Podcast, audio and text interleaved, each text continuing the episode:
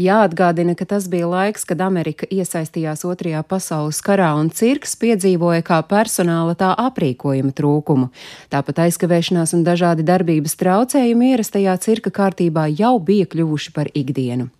Cirks Hārtfordā, Konektikutas štatā, ieradās iepriekšējā vakarā tik vēlu, ka nācās atcelt vienu no divām tai dienā paredzētajām izrādēm. Lai gan vakara izrāde noritēja kā plānots, cirka darbinieki jau bija piesardzīgi un ar bažām gaidīja katastrofu, jo izrādās cirka mājiņticībā izrādes izlaišanu uzskata par sliktu zīmi. Nākamā izrāde notika 6. jūlijā, kas bija ceturtdiena. Divos pēcpusdienā izrādes apmeklētāju vidū dominēja sievietes un bērni. Precīzs apmeklētāju skaits nav zināms, taču lēšams vairākos tūkstošos skatītāju. Lielākais skaitlis, kas minēts, ir 7000 tūkstoši, jo kopumā telts ietilpība bija 9000 skatītāju. Ugunsgrēks sācies uzreiz pēc lauvu uzstāšanās. Liesmas parādījās telts dienvidu rietumu sānu malā, un cirka trupas vadītāja pamanījusi liesmas, lika orķestrim atskaņot mūzikas kompozīciju, kas bija paredzēta, lai brīdinātu par nelaimi visus cirka darbiniekus.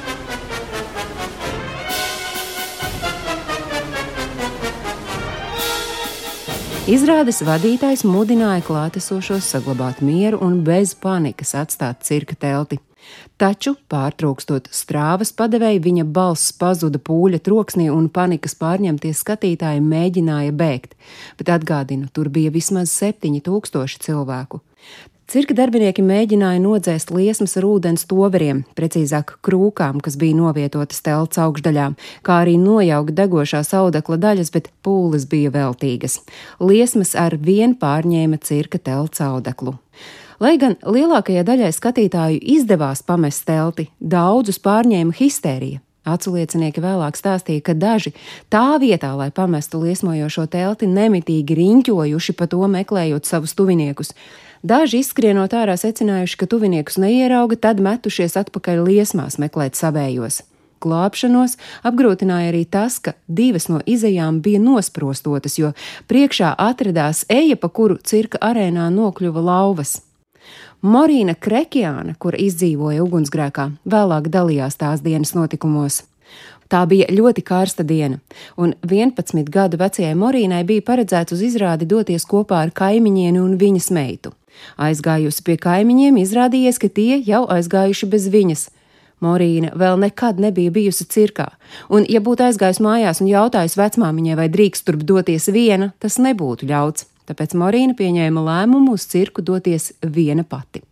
Viņa atceras, ka izrādes laikā kāds sācis kliegt, un tad viņa ieraudzīja uz telts augšpusē lielu ugunsbumbu, kas kļuvusi ar vien lielāka un lielāka.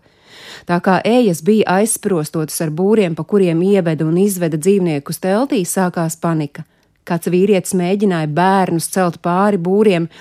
Kā saka Morīna, es lecu no liela augstuma lejā uz cirka arēnu, kas bija klāta ar salmiem, tad kāds vīrietis ar kabatas nazi pārgrieza telti, un tā es izkļuvu ārā. Liesmas izplatījās milzu ātrumā, un tas notika parafīna hidroizolācijas dēļ. Izolācija pasargāja telti no lietus, bet parafīns bija viegli liesmojošs. Daudzus arī smagi apdedzināja no jumta kūstošais parafīns. Ugunīgā telts sabruka astoņu minūšu laikā iesprosojot simtiem skatītāju. Daudzi sadega, citi gāja bojā haosā, kas valdīja ugunsgrēka laikā. Upuru skaits dažādos avotos atšķiras - 167, 168 vai 169. Oficiālie dati biežāk liecina, ka 168. Traumas guva vairāk nekā 700 cilvēku, taču noteikti to skaits bija vairāk. Daudz vienkārši nemeklēja mediķu palīdzību. Turklāt tajā dienā pilsētā un apkārtnē dalīja bezmaksas biļetes, un izrādes laikā cirka teltī bija arī cilvēki, par kuru pazušanu neviens tā arī nebūtu ziņojis.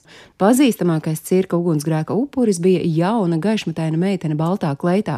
Lai arī seja pēc nāves bija labi saglabājusies un bija publicēta teju visos iespējamajos laikrakstos, kas vēstīja par uguns nelaimi, tā arī neizdevās noskaidrot viņas identitāti.